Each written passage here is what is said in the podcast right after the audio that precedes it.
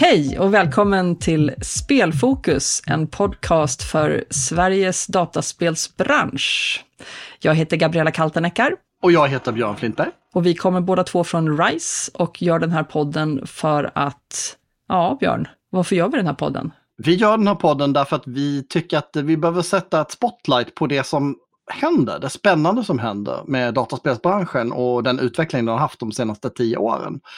Och eh, därför ska vi i ett antal avsnitt här eh, titta på olika fenomen men också olika utmaningar kan man säga den här första säsongen eh, som spelbranschen står inför och belysa det med hjälp av en massa smarta människor som på olika sätt jobbar i eller kring branschen. Och nu blir det första avsnittet i den här serien. Vi hade en liten eh, session zero förra gången för att berätta om podden. Och har ni missat det så kan ni lyssna på session zero. Det är lite kortare än de här avsnitten och där förklarar vi lite mer om vem vi är, var vi kommer ifrån och varför vi gör det här. Men nu ska vi lyssna på avsnitt ett. Och vad ska det handla om, Gabi? Eh, det kommer handla om spelforskning. Och det kan man ju tycka är jätteintressant. Vad, vad, finns det för spelforskning? Vad, vad gör man? varför gör man det? Och vad har det för nytta för branschen i, i liksom det stora hela. När jag tänker spelforskning så tänker man ju på tillbaka på när brädspel kom ut eh, tidigt och det var farligt att spela Dungeons and Dragons, det var vålds... Du vet, är, det fortfarande så? Är det det spelforskning handlar om? Att liksom lägga förbud på saker? Nej, det skulle jag inte vilja säga. Det har hänt ganska mycket sen, sen eh, den stora eh, panikkänslan. Spel hade ju en sån period, precis som eh, rock'n'roll hade och hårdrocken hade en gång i tiden. Det är väl alltid som en nya fenomen. Men däremot så kan man säga att det forskas på andra saker inom spel ganska brett i Sverige. Vi har ett antal lärosäten där det forskas väldigt mycket på spel eh, och det sker inom ganska många olika discipliner. Så att det finns eh, spelforskare som jobbar med väldigt tekniska saker, som tittar på VR-teknologier eller på nya sätt att jobba med grafik. Vi har spelforskare som jobbar med etikfrågor och mediafrågor, eh, spel som kultur. Vi har informatik och informationssystem och hur människan och datorerna interagerar, hur spelarna interagerar med spel och så vidare.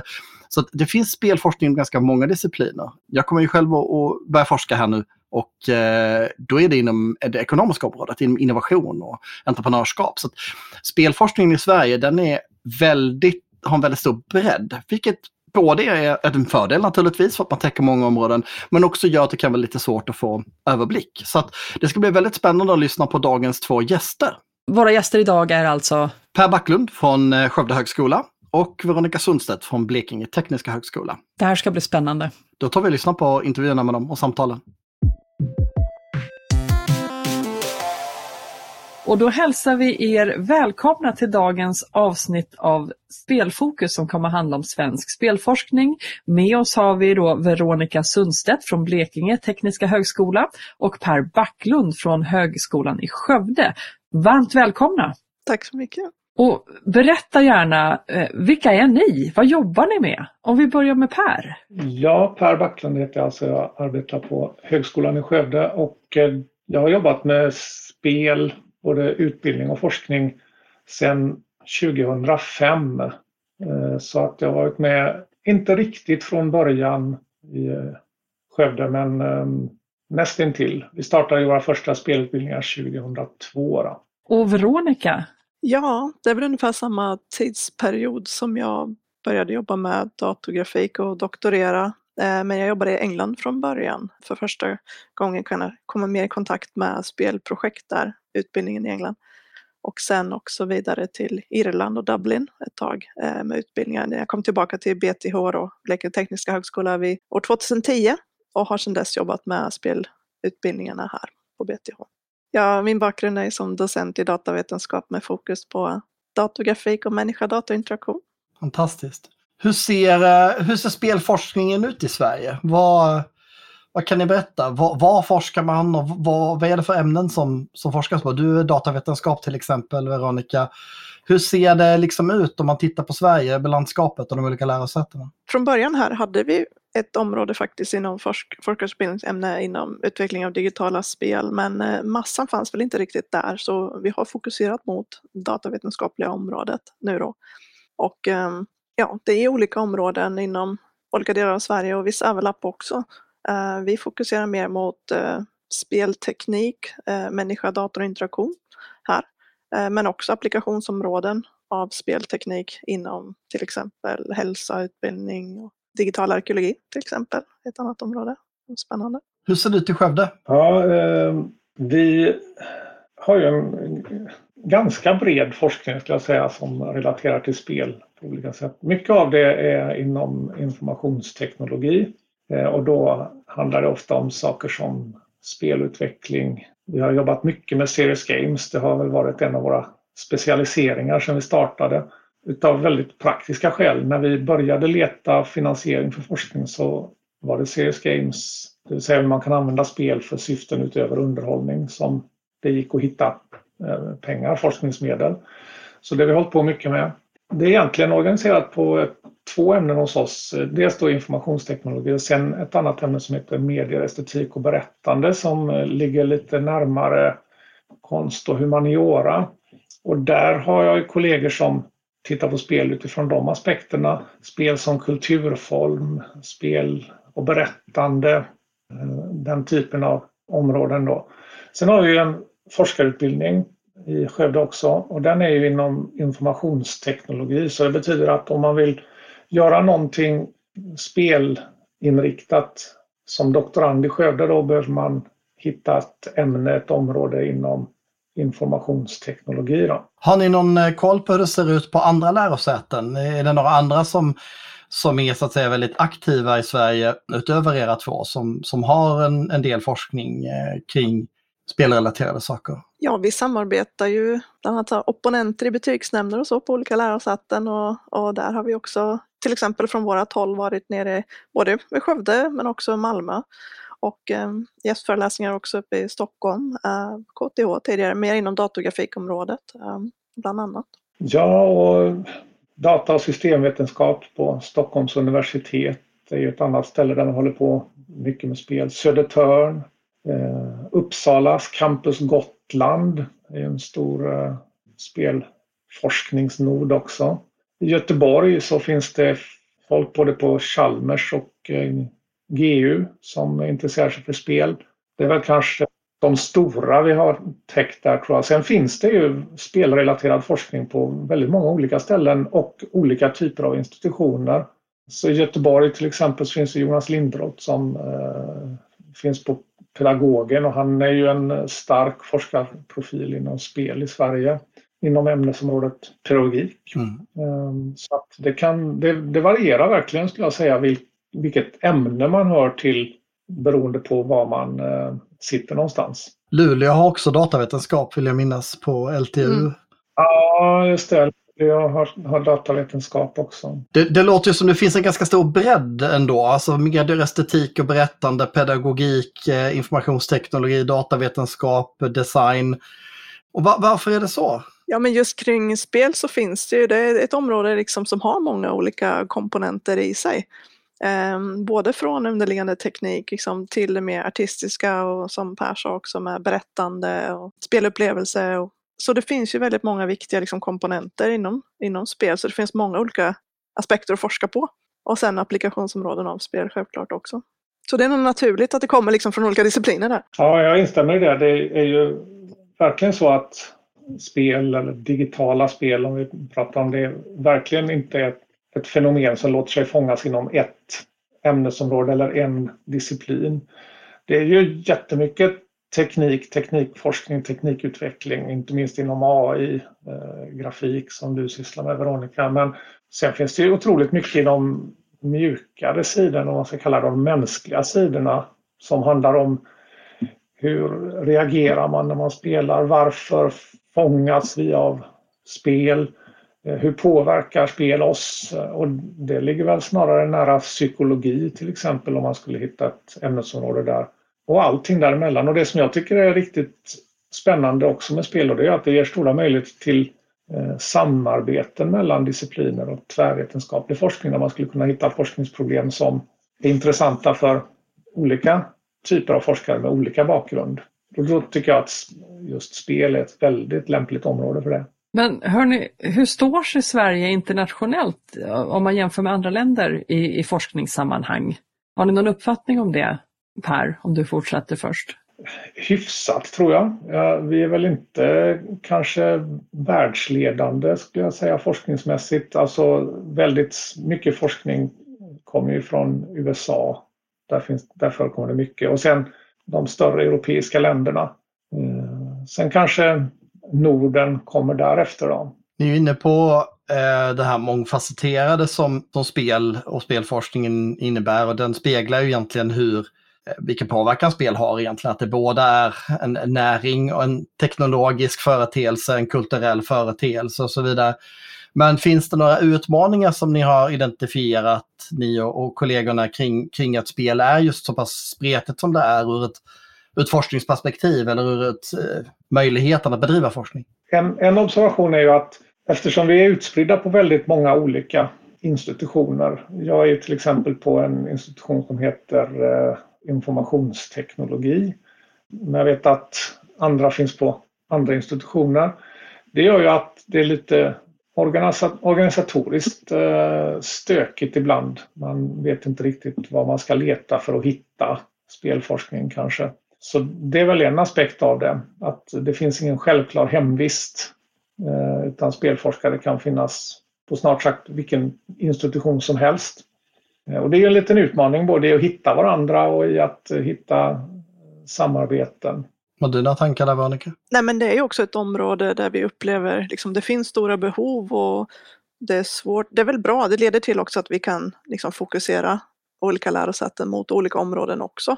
Men också för liksom hela spelutvecklingspipeline så är det många olika aspekter som ska liksom täckas upp och beröras och finnas rätt behov av. Så där kan väl finnas en brist att, att eh, det här liksom kan hjälpa. Nu kommer jag lite på ökat samarbete och så igen, men att det, det kan ju vara en utmaning i, i dagen, liksom, att, att täcka alla aspekter av spel och vad det innebär. Men där kan man ju också liksom profilera sig liksom mot olika områden så det har man ju kanske nytta av också. Om ni tittar på spelbranschen idag, eh, vad är er bild av branschen och spelindustrins betydelse för Sverige? Ja, jag tror Sveriges liksom spelbransch och alltså som man kanske inte vet här, men om man, om man är lite insatt inom området, men det är ju en, en bransch som ökar i stort sett varje år och väldigt stor, liksom, både nationellt och internationellt när det kommer till hur mycket spelbranschen liksom berör ekonomiskt. Så det har ju verkligen en påverkan på liksom, antal människor som, som spelar spel och som är berörda av spel i någon form. Det är en jättestor bransch om man jämför liksom också med andra exportbranscher i Sverige. Som Veronica säger, det har ju vuxit jättemycket de senaste åren också. Har vi en sån tydlig ökning. Och då kan, kan man ju tycka att det är ett område som också förtjänar mer specifik uppmärksamhet inom forskning på just spelbranschen. Om vi tittar på vad spelbranschen betyder för Sverige, vad de här företagen som startar betyder för Sverige och hur de har utvecklats, tycker jag skulle vara väldigt intressant att lära sig mer av. Spel är också en kulturform som angår och påverkar och intresserar väldigt många människor. Det gör ju också att det är någonting som vi borde lära oss mer om. Så att det, finns, det finns väldigt många goda skäl att fokusera mer på forskning kring spel och spelande tycker jag.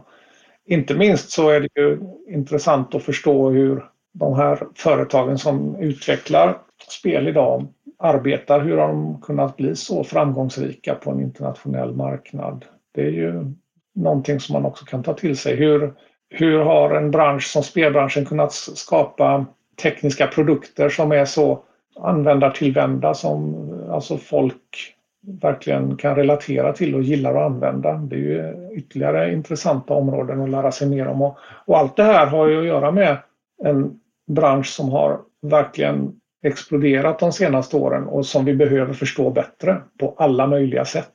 Jag upplever också liksom när jag jobbat utomlands och så att det finns ett väldigt positiv syn på Sverige som liksom både kreativt och teknisk innovation från personer som också åker ut. Så jag tror det upplevs liksom väldigt positivt utåt sett ifrån också, den, den kompetens som kommer från Sverige. Hur ser det ut med resurserna till spelforskning i Sverige? Vad, vad finns det för möjligheter? Finns det, är det ett område som man satsar på ur ur ett forskningsfinansieringsperspektiv? Eller vad, hur, hur ser läget ut? Om vi börjar med Per. Eh, vi tycker väl inte att det satsas tillräckligt mycket specifikt mot just spel, spelutveckling. Mycket forskning görs ju inom ramen för andra områden och eh, det gör ju att forskningsfrågorna, projekten, det man sysslar med Eh, blir liksom inriktade mot de områdena och spel blir på något sätt en underordnad del. Eh, jag tycker att det skulle vara bra om man kunde vända lite på den skjuttingen så att det blev spel som blev fokusområdet, det viktiga. Eh, och sen kan man se hur andra områden kan bidra till att förstå det fenomenet. Det, det behovet finns ju fortfarande kvar.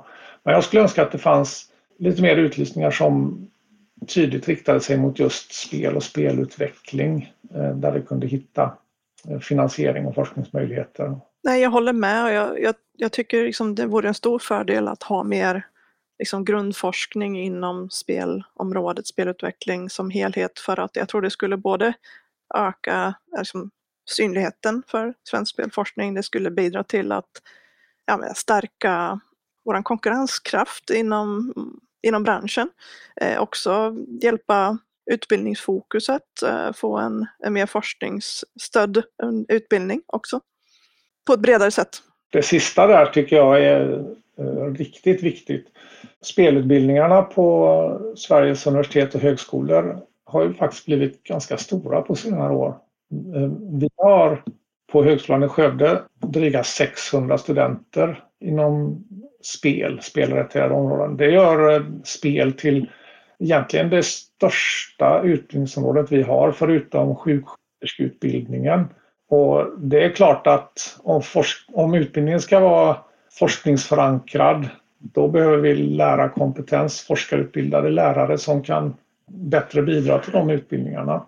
Så utbildningsförankringen är en superviktig eh, motivation till mer spelforskning. För här finns det behov. Och det är också ett ganska ungt område om man ser till liksom hur länge det har existerat. Så det har inte riktigt hängt med på det sättet kanske utvecklingen. Och sen också att kompetensen är ju också relevant inom industrin. Så både akademi och industri har lite samma, samma utgångspunkt från resurser och eh, att jobba med också. Så det finns ju ett större behov idag än, än vad det finns personal skulle jag säga. Ni ser ju då som sitter på lärosäten att lärosätena har en roll att spela i att utbilda spelutvecklare. Hur är intresset för spelutveckling när det gäller sökande? Hos oss jättestort. Eh, vi har eh, egentligen nästan alla år haft väldigt bra söktryck på nästan alla våra utbildningar. Det varierar lite grann mellan utbildningarna såklart men eh, överlag så väldigt bra. Jo men det är samma här inom spelteknik. Eh, vi har haft ett bra söktryck och det var väl lite frågetecken kring liksom hur pandemin skulle påverka och så men det har, det har hållit sig bra. Ja det har varit så bra. Vi har, vi har till och med ökat våra internationella studenter på avancerad nivå under under pandemin, vilket eh, det kändes lite otajmat. Vi startade ett par stycken nya magister och masterprogram eh, mitt under pandemin. Men otroligt nog så eh, gick rekryteringen bra och det kom faktiskt studenter hit för att läsa på de här programmen. Du har nämnt varit inne på det här i ett par olika omgångar med dels forskningen och möjligheten att, att titta på fler områden men också ert uppdrag på lärosäten när det gäller just att utbilda då.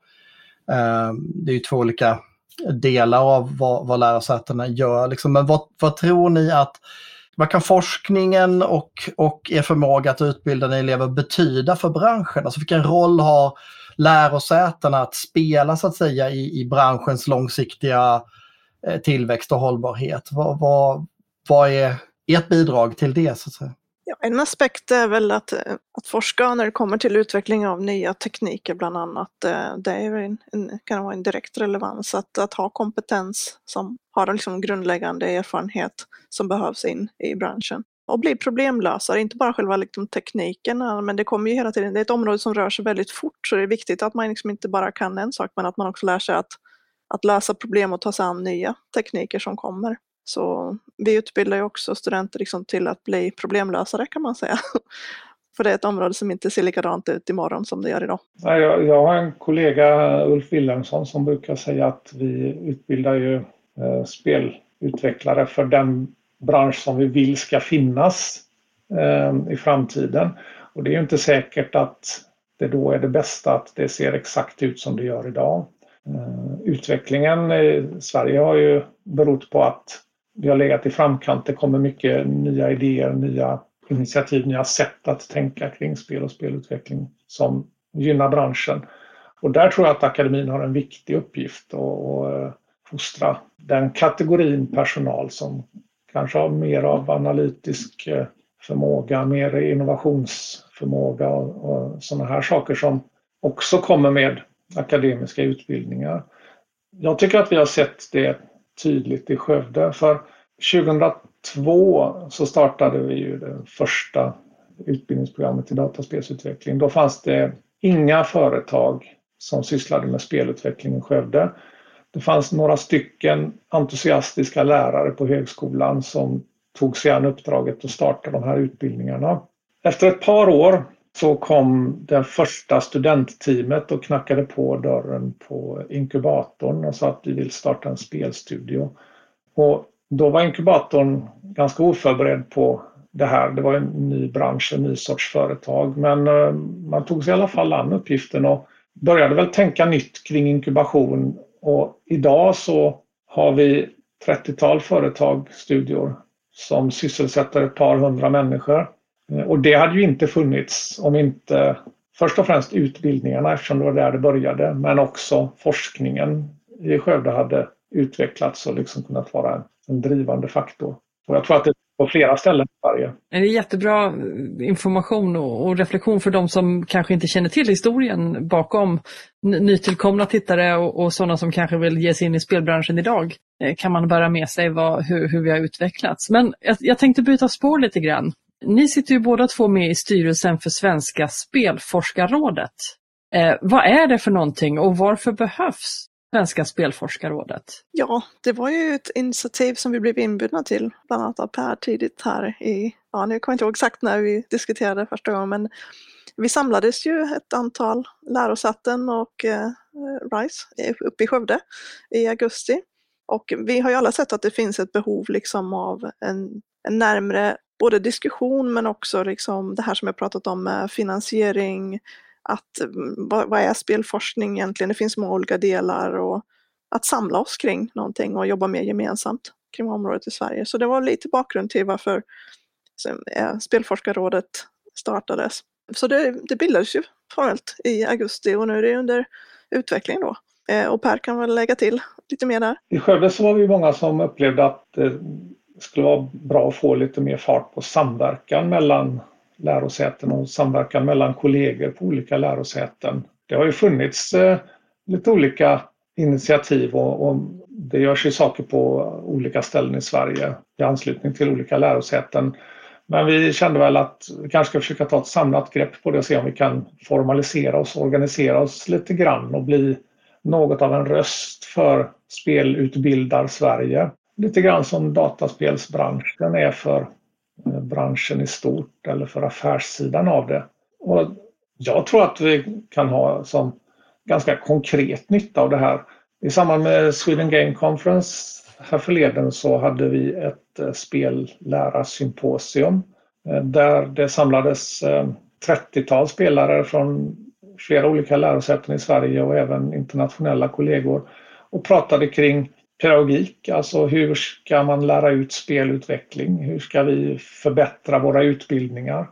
Eh, och det är ju en typ av aktiviteter som jag tror är väldigt relevant för en, en förening som Svenska Spelforskarrådet att hjälpa varandra bli bättre, dela erfarenheter. Också försöka bygga upp närmare samarbetet med industrin, liksom att synliggöra forskningen och, och vad vi gör. Och, och också när alla lärosäten har sin profilering så blir det ju ofta Ibland kan det vara svårt till exempel för doktorander att hitta kurser som är relevanta på, inom forskarstudier och eh, att samarbeta ytterligare och att synliggöra till exempel. Eh, vi kan ju också bättre byta kompetenser, eh, dela resurser kanske, eh, samarbeta kring doktorandkurser så att man har mer val att välja på. någon kanske är intresserad av att läsa en kurs hos oss eller någon, vi har en doktorand som är eh, intresserad av att läsa en kurs i Skövde. Så att synliggöra vad som finns eh, skulle också kunna vara bra här för forskarutbildning inom området. Och jag vet ju det från, från Björn att det har inom SSFR talats bland annat om en forskarskola. För den som inte vet, vad är det för någonting? Egentligen är det ett eh, initiativ som startades för flera år sedan av bland annat Petri Lankoski på Södertörns högskola där vi tittade på möjligheten att skapa en nationell forskarskola utav egentligen samma skäl som vi har pratat om nu att vi tror att det skulle kunna vara möjligt att ensa forskningen lite grann, hitta, hjälpa varandra att hitta kurser inte minst. Men också kanske att ta fram kurser och aktiviteter som har att göra med det här som är specifikt för spel eller spelforskning. Då. Återigen, om man är inskriven på ett lärosäte i ett ämne, till exempel datavetenskap, så kommer ju den utbildningen att ha en ganska tydlig prägel av den datavetenskapliga bakgrunden. Men vi tror att en forskarskola som skulle kunna bestå av kollegor från väldigt många olika områden och med olika bakgrunder, att vi skulle kunna hitta det här gemensamma, det mer eh, ämnesintegrerande som eh, har med spel att göra. Och då skulle vi kunna kanske ta till exempel skapa nationella kurser där gemensamt som vi kan dela på och ta fram. Jag tror att forskarskola skulle också synliggöra spelforskningen på ett helt annat sätt. Det skulle vara bra att det finns ett namn på det. Också kanske involvera industrin där till en högre grad och, och också hitta mer kanske samarbete med att ha industridoktorander. Det är en förhoppning som det är svårt att avsätta tid kanske från industrins sida men jag tror där, där är också ett sätt att få in forskning och samarbete kring, kring det. Där har väl ni lite på gång nu i, på BTH eller? Vi har ett nytt stort, vi har ett nytt stort forskningsprojekt eh, där vi samarbetar med flera externa partners, bland annat lokal spelföretag också, så det är spännande.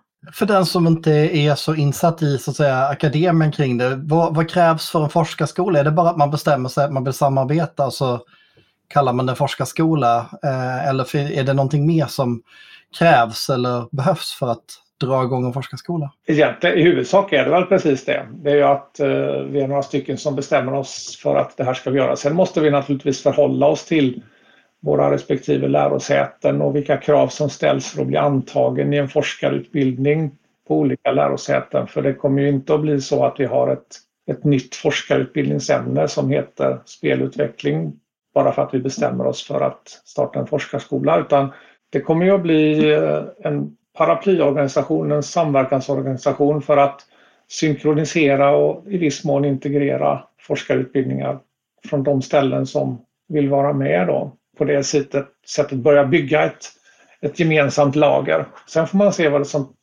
som kan ta vägen i framtiden. Det kan ju hända att det fortsätter att utvecklas.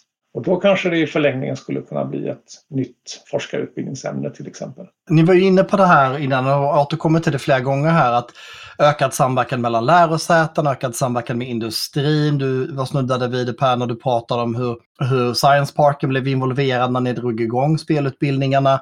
De platser i landet där där det har byggts upp då, vad som lite slarvigt kanske kallas för spelkluster av olika slag. Vilken roll tar ni som lärosäte där? Jag tänker i relation till inkubatorn och i relation till bolagen. Så att, hur ser det ekosystemet ut? Ja, vi, vi samarbetar ju nära med inkubatorverksamheten och försöker bjuda in till exempel när vi har spelprojektkurser även tidigt så att de ska komma in och liksom beskriva vad det finns för möjligheter. Sen anordnar vi ju, det har varit en konferens som heter Creative Coast Festival bland annat där eh, studenter har möjlighet att skicka in sina spelkoncept i en Game Concept Challenge eh, som den kallas. Eh, där de kan också få, de som vinner kan få till exempel stöd och mer mentor och, och hjälp att starta upp ett eget företag, ta det vidare. Så vi hade ju en grupp studenter här i, i, i somras, våras, som, som då fick 100 000 och stöd för att eh, ta det vidare helt enkelt. En intressant idé. Så vi försöker jobba aktivt genom workshops, seminarier, besök eh, för att prata om branschen och för att de också ska kunna se vad det finns för möjligheter att starta upp. Ja, vi, vi, har jobbat hårt med det vi kallar Sweden Game Arena i eh, Skövde.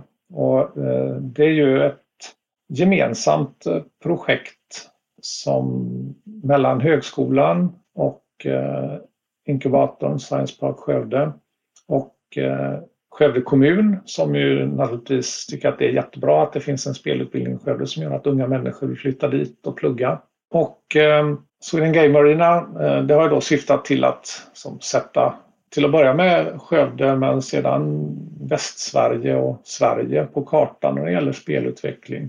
Och eh, inom Sweden Game Arena så gör vi ju väldigt många olika aktiviteter som på något sätt ska främja området. Utbildning är ju en stor del såklart. Eh, eh, vi försöker göra forskning som eh, på något sätt blir relevant för de studier vi har i Skövde. Men sen har vi ju sett också att det ser ju faktiskt lite likadant ut på fler ställen i Sverige. I norra Sverige finns det ju ett kluster med både forskning, utbildning och inkubation. Och nere i Malmö, Blekinge finns det ju ett kluster och kanske i Stockholmstrakten naturligtvis också. Så att det finns ju de här eh, formationerna på, på flera ställen i landet.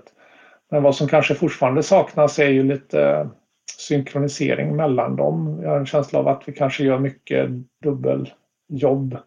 Och det, är väl, det vet jag, det är en process som pågår nu att försöka eh, samla Sverige nationellt också när det gäller inkubation då. Eh, Spelinkubation, inte enbart forskning. Nej, just det. Där pågår det ju ett arbete som Science Parksen runt om i landet håller på att titta på möjligheterna och egentligen kan man ju säga att mycket av det engagemanget som vi har haft från RISE har ju sprungit ur det här Vinnova-uppdraget, kraftsamling dataspelsbranschen som, som ju om, eh, när det här avsnittet sänds, är det ju två veckor kvar till avslutningskonferensen då, den 24 januari eh, på Stockholm Waterfront.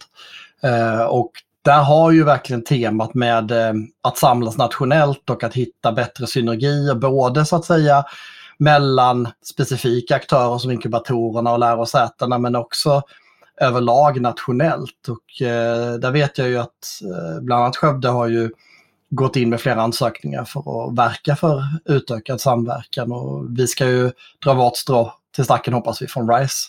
Där den här podden är ett sånt sätt såklart att belysa de här frågorna. Och att vi sitter här och gör det här idag, det, det, det är ju för att vi alla ser en potential i den här branschen, den här industrin och i spel. Både ur, ur ett så att säga, näringslivsmässigt men också ett kulturellt perspektiv. Vad ser ni, om man målar upp liksom en framtid där, där allting klaffar och allting funkar, vad ser ni för möjlighet och potential? Vad skulle det här kunna innebära framåt för, för Sverige som, som helhet och, och vad finns det för hinder i vägen som känns särskilt aktuella och liksom tackla för att kunna komma dit? Vad är det som behövs? Jag tror att eh, med ökad samverkan så har vi stor potential i Sverige för att vi har en stark bransch som vi konstaterade tidigare. Vi har starka utbildningar. Vi har eh, flera utbildningar både på eh, YH och akademisk nivå. Vi har mycket forskning fast den är lite splittrad. Eh, inom, som vi sa, inom både olika områden och olika lärosäten. Eh, men genom en eh, kraftsamling så tror jag att vi kan ta nya stora steg som kan vara väldigt gynnsamma för både den svenska spelbranschen i stort men också intressanta för ett viktigt samhällsfenomen. Återigen, det här är ju inte enbart fråga om ekonomi eller export utan det här är ju också frågan om en typ av produkt som påverkar väldigt många människor. Positivt och negativt och det går ju inte att blunda för det här. Här förs ju en diskussion hela tiden. Och jag tycker att ett sådant fenomen förtjänar eh, forskning för att förstå det bättre. Men utmaningar då? Ja, men utmaningar, som jag nämnde tidigare, det är ett område där saker går väldigt snabbt. Så det gäller att hänga med eh, på utvecklingen och också driva utvecklingen. Så det, det, är viktigt att man, eh, att man har en aktivitet och en ökad aktivitet tycker jag för att kunna hänga med liksom allt som händer. Och sen är det ju så att spelforskningen är relevant för andra områden också, vilket vi har nämnt. Ehm, man ser ett ökat behov inom andra industrier där den här typen av kompetens behövs också. Så ja, vi ser att det måste satsas mer liksom, på, på spelforskning, teknik, utvärdering av teknik. Det är alltid människa i stort sett i slutändan som står i centrum. Så att också utvärdera och testa vad fungerar för människor. Upplevelse är en sak men också eh, när det handlar om kvalitet, interaktion. Eh, det är jätteviktiga områden som är inte bara viktiga för spelbranschen till exempel. Vi ser också den här trenden nu med ökat intresse för både AR, VR, augmented reality, förstärkt verklighet på svenska eller virtual reality, virtuell verklighet eller mixed reality, mixad kan man säga, verklighet. Och olika typer av verkligheter, vilket i framtiden spås ha en ännu större liksom, effekt på hur vi kommer vara i våra samhällen, interagera med våra samhällen digitalt bland annat. Eh, och det är också någonting som vi har bland annat ökat forskning i här på BTH med nyligen ett stort projekt eh, som självklart är relevant för spelområdet men också många andra branscher där man har till exempel utbildning, simulatorer, att kunna stiga in i digitala tvillingar, verkligheter, liksom, det, det är ett stort område där vi ser att det behövs kompetens. Det finns mycket kvar att göra med andra ord, eh, även om vi har goda förutsättningar. Vi har en bra jordmån, eh, men det finns mycket kvar att göra. Och samverkan och samarbete verkar vara en av nycklarna till att nå dit. Hörni, vi börjar närma oss eh, sluttiden här. Jag vill tacka er jättemycket för att ni ville vara med båda två. Vi får säkert all anledning att återkomma till spelforskning i Sverige framöver. Och vi kommer ju att få möjlighet och nöjet att jobba tillsammans också, förhoppningsvis i ett antal projekt under de kommande åren. här. Stort tack till er båda två för att ni ville vara med, Per och Veronica. Tack så mycket. Tack för inbjudan. Tack så mycket. Hej. Tack. Eh, så Gabby, det här var ju ganska intressant att lyssna på tyckte jag, på de här två forskarna. Verkligen. Eh, Svenska spelforskarrådet, bredden. Jag är ju jätte, jag tar ju med mig av det här lite reflektioner över serious games som, som ligger mig lite extra varmt om hjärtat. Jag tycker det är ett jätteintressant område. Eh, vad har du för tankar runt det? det är ju som Per sa att spelforskningen har ju fått kämpa lite grann med att hitta finansiering och då har ju Serious Games, att använda spel i andra kontexter, varit ett sätt att kunna få tag i forskningsmedel och man kunnat forska om, om det här. Och ehm, eh, det har ju gjort, Skövde har ju gjort väldigt mycket forskning inom det här området och byggt upp ganska mycket av sin forskningsbas kring det. Och jag vet att man, man försöker bredda det till andra områden. Men, men det är ju en, en brist på forskningsmedel, det är väldigt tydligt. Men visst är det intressant. Jag tror ju att ur RISE perspektiv, som jobbar så att säga, för att stärka hela Sverige, så är det ju särskilt intressant att titta på vad spelbranschen kan också innebära för andra branscher och i andra sammanhang och andra kontexter. Eh, även om vår satsning här handlar väldigt mycket om, om just att stärka branschen så, så är det ju väldigt intressant att se mervärdena. Vi jobbar ju mycket med tung industri till exempel och, och det finns ju exempel på bolag som, som jobbar med Eh, spelbranschen idag. Jag tror att det skulle kunna finnas en massor med intressanta eh, tvärvetenskapliga forskningsprojekt som, som skulle kunna ta fart om det fanns eh, mer utrymme för finansiering i olika sammanhang och att det fanns också dedikerad finansiering som nämndes här. Alltså finansiering som är just för spelforskning. Mm. Jag tror att det är lätt att fastna i det här med att spelforskning är, du vet, inte kommersiellt gynnande för, för större bolag. Så här, vad ska vi med spelforskning till? Va, va, hur kan vi tjäna pengar på spelforskning? Eh, man, man, gör ju ganska mycket, man är ju bra inom, inom dataspelsbranschen på att testa användars, användarens eh, beteenden för att kunna göra en bättre spelupplevelse, sälja bättre spel, sälja mer mikrotransaktioner och så vidare. Men jag tror ju att man kanske ska titta på Serious Games, eh, inte som en kommersiellt eh, successful produkt som bolag kan tjäna mycket pengar på, vilket kanske också är sant, men framför allt ett sätt att spara pengar för samhället genom effektivare behandlingsmetoder, eh, kanske eh, snabbare utredningar, mer innovativa typer av utredningar och diagnostisering till exempel. Ja, hela lärande och eh, kompetensförsörjningsfrågan som är en stor fråga för hela Sverige med, med det livslånga lärandet. Där, där har ju spel definitivt en roll att fylla. Mm. Sen, sen är ju Veronica inne på, på någonting som, som hon betonar i deras forskning i Blekinge som handlar väldigt mycket om att pusha gränsen för teknik och hitta nya sätt att använda teknik. Och, och där tror jag att, att spelbolagen kan, kan ha en, en stor möjlighet att finns det mer utrymme för forskning och forskningen får möjlighet att jobba med det här så kan man ju så att säga göra ett utvecklingsarbete för olika teknologier till exempel. Jag vet att man i, i Luleå, mitt lärosäte, också jobbar med, med den tekniska aspekten av det här ganska mycket. Då. Uh, och det gör ju att det kan dyka upp nya sätt att använda VR till exempel eller nya sätt att maximera utnyttjandet av grafik eller vad det nu kan vara för någonting som då kommer till nytta för hela branschen genom att det finns forskning. Men den kanske viktigaste och mest liksom, akuta delen det är ju att finns det mer forskning så innebär det också att fler människor eh, är intresserade av att gå utbildningar på lärosätena för att jobba med spel. Då blir den forskningen mer relevant för, för de som går utbildningen. Om man går en utbildning för att man vill bli speldesigner eller, eller spelprogrammerare eh, och man bara har tillgång till forskning som handlar om serious games, då är den ju så att säga inte lika relevant som om man har forskning om, om speldesign till exempel. Och det finns ju forskning om speldesign och det finns forskning om spelutveckling, men, men det är en betydligt mindre massa av forskning som finns att tillgå.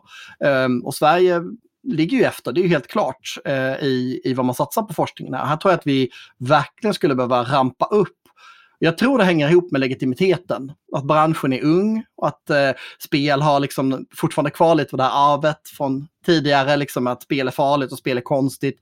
Eller att spel är liksom, om man jämställer spel med, med gambling, games och gambling är två mm. helt olika saker. Det är ju spel för underhållning och nöje. Ja, där har vi ju liksom en terminologiproblem kan jag tycka, att, att det är Eh, vi, säger, vi använder bara begreppet spel och spel kan innebära serious games, underhållningsspel, mobilspel, gamblingspel, kasinospel, allt möjligt. Eh, och det är ju en värld av skillnader i alla lägen, eh, hur man utvecklar, hur spelbeteenden funkar och även forskning då naturligtvis. Ja men precis, spel är ju liksom en, om man, om man vill använda det uttrycket, en slags metod för att göra någonting. Och den kan användas på massa olika sätt, precis som många andra verktyg. Liksom. Borde vi vässa vår terminologi här tycker du? Ja, och det, det vet jag att jag har pratat med folk om. Eh, eh, bland annat eh, Per Strömbäck som vi ska få höra här lite senare i den här poddserien. Som pratar mycket om att det saknas också humaniora-forskning i spelforskningen. Alltså te teoribildning, när man jobbar med forskning så handlar ju mycket om att när man har en stor massa med forskning då uppstår det också teorier eller ramverk för hur man förhåller sig och där uppstår ju de här terminologierna, man hittar vassa, smarta sätt att beskriva olika fenomen som alla får en samsyn kring och som man då innebär att man lättare kan beskriva och bättre beskriva olika saker och företeelser. Men eftersom det finns så lite forskning inom humanioraområdet så blir det väldigt lite teoribildning jämfört med en del andra discipliner. Jag eh, läste min magister ganska nyligen och där, där var det ganska tydligt, jag kommer från samma område som, som Per har jobbat inom, informationsteknologier. Och eh, det är en ganska ung disciplin. Den, den, det var på 70 eller 80-talet som den så att säga blev ett ett forskningsområde, ett eget forskningsområde. Innan så låg det liksom inklämt i sociologi och lite management och lite eh, datavetenskap. Och sen upptäckte man att de här har så mycket samhörighet att man har ett eget ämne. Nu vet jag att många av forskarna i Sverige som håller på med spelforskning vill kanske inte se att spelforskning är en egen disciplin för att man tycker att mångfalden har så mycket mer värden att ge. Men däremot så tror jag att man behöver en bättre samhörighet. Det här jag tror det här Svenska spelforskarrådet kan kan göra stor nytta. Att även om massan med forskning är relativt liten och satsningen på den, så är det viktigt att visa upp det som finns, att synliggöra. Det hänger ju också ihop med den här legitimiteten vi pratade om nyss. Mm.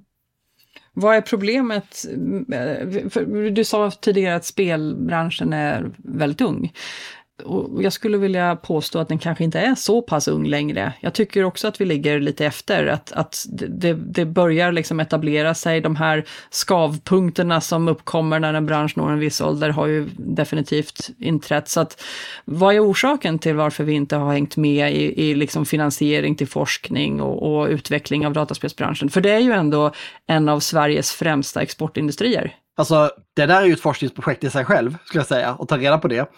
Men, men eh, med risk för att killgissa lite så tror jag det handlar dels om legitimiteten. Att, att spel så att säga inte har den tyngd som det har att jobba med järnmalm eller att eh, bygga bilar. Det är svårt att ta på nyttan. Alla kan förstå vilken nytta en bil gör. Men det är svårt kanske för, för kanske särskilt den äldre generationen att förstå vad är det för nytta med spel? Vad, vad är det bra för? Annat än ren förströelse. Den attityden tror jag att vi måste förändra därför att allt fler produkter och lösningar som kommer är ju baserade på tjänster. De är ju digitala. Eh, det var, folk skrattade ju åt e-handeln för tio år sedan. Liksom, och tyckte att det där kan man väl ha lite vid sidan om, men det där kommer ju aldrig bli stort. Liksom. Och sen, sen har det ju varit en raketutveckling och då är det så självklart för folk. Och jag tror att det är, det är samma sak med spel. Och det som, det som kan göra mig frustrerad i det här ibland är att vi har alltså en bransch idag som är stor, precis som du beskriver, som har ett väldigt gott renommé. Vi räknas till, eh, till, ofta till de tio främsta länderna i världen på att producera spel. Vi har framgångar, vi har storleken, vi har engagemanget, vi har massor med unga människor som tycker det är intressant och vill in i den här branschen. Och sen så har vi så lite av det här ekosystemet runt omkring som skulle behövas. Och jag tror att det handlar faktiskt om att, att jobba med enskilda beslutsfattare, att höja medvetandegraden och förståelsen. Det är en kunskapsfråga och en legitimitetsfråga. Att förstå vad spel är och vad det kan innebära och, och varför det kan vara till nytta. Det, det är något som jag kommer att lägga ganska mycket energi på att jobba med här på RISE i mitt arbete med att, att stärka spelbranschen. Sen nu tänker jag lite på på det här med just samverkan mellan universiteten som, som började uppstå med de här mötena mellan olika spelforskare som har pågått och som, som Skövde tog initiativ till eh, bland annat och som har lett nu till Svenska spelforskarrådet. Det ska bli väldigt spännande att följa eh, arbetet i den organisationen och se hur man kan eh, lyfta olika frågor på olika sätt och lyfta forskningen. Forskningen bidrar ju både till att fler utbildas och till att tekniken utvecklas men också till den här legitimitetsfrågan. Att när det finns vetenskapligt bevisade fördelar eller eh, olika aspekter av spel som man kan titta på och peka på, då tror jag också att det hjälper till. Alla små pusselbitar hjälper till för att skapa den här förståelsen, ökade förståelsen för vad spelbranschen kan innebära. Finns det några forskningsstudier som man kan dra nytta av i, i Sverige eller andra länder som redan finns. Eh, för att det blir ju lite moment 22, man vill, eh, man vill att branschen ska få en större legitimitet, men för att få det så tror vi att det behövs liksom forskning som visar på lärandets funktion genom spel och lek. Eh, och för att få forskning så behöver vi få pengar och för att få pengar behöver vi mer legitimitet. Det blir, det blir liksom en ond cirkel av det där. Eh, så liksom vart, vart, vart slutar svansen? Vart, vart kan man börja? Ja, men precis. Jo, men det, det finns internationell forskning och det finns väl i två former. Dels finns det ju spelforskning från andra länder som man kan titta på, där man har gjort en del det finns också forskning då inom andra discipliner. Tittar man till exempel på vad är spel bra för så finns det ju väldigt mycket forskning framförallt inom sociologi och psykologi men även en del inom neurologin. Alltså hur hjärnan fungerar som handlar om belöningssystem och, och varför glädje är viktigt för människor och, och vad betyder lycka lycka och så vidare. Vad betyder engagemanget som man har när man spelar spel? Till skillnad från när du läser en bok så är du bara en mottagare men i spelet så är du alltid en interagerande part. Även om du spelar ett solospel så är det ju du som spelare som så att säga bestämmer vad som händer i spelet genom att du utför olika saker. Så att det finns mycket forskning men jag tror att man behöver samla den och jag tror också att, att Sverige skulle behöva egen forskning på det här området för svenska förhållanden och för det som växer fram i Sverige. Så att vi inte blir så beroende av de här lite bredare eh, internationella forskningsrönen mm. bara. Och givet att vi har en så stark bransch så ser jag att vi har en ganska stor potential. Det var ju en av anledningarna till att jag själv nu påbörja min egen, mina egna doktorandstudier för att, för att uh, forska inom innovation och entreprenörskap och titta just på det här med ekosystemet runt omkring och på det offentligas möjligheter och roll att spela i det här kring innovation och innovationsinfrastruktur. Och det är mitt lilla bidrag kan man väl säga till, till att försöka stärka det här området. Men eh, jätteintressant avsnitt. Tusen tack för det. Och vi syns nästa vecka igen i podden Spelfokus. Ja, men det gör vi. Och eh, då ska vi prata med, eh, med Per Strömbäck om branschens utveckling. Per Strömbäck på dataspelsbranschen. Det kommer bli roligt. Ja, då syns vi då. Ha det så bra. Det gör vi. Hej hej!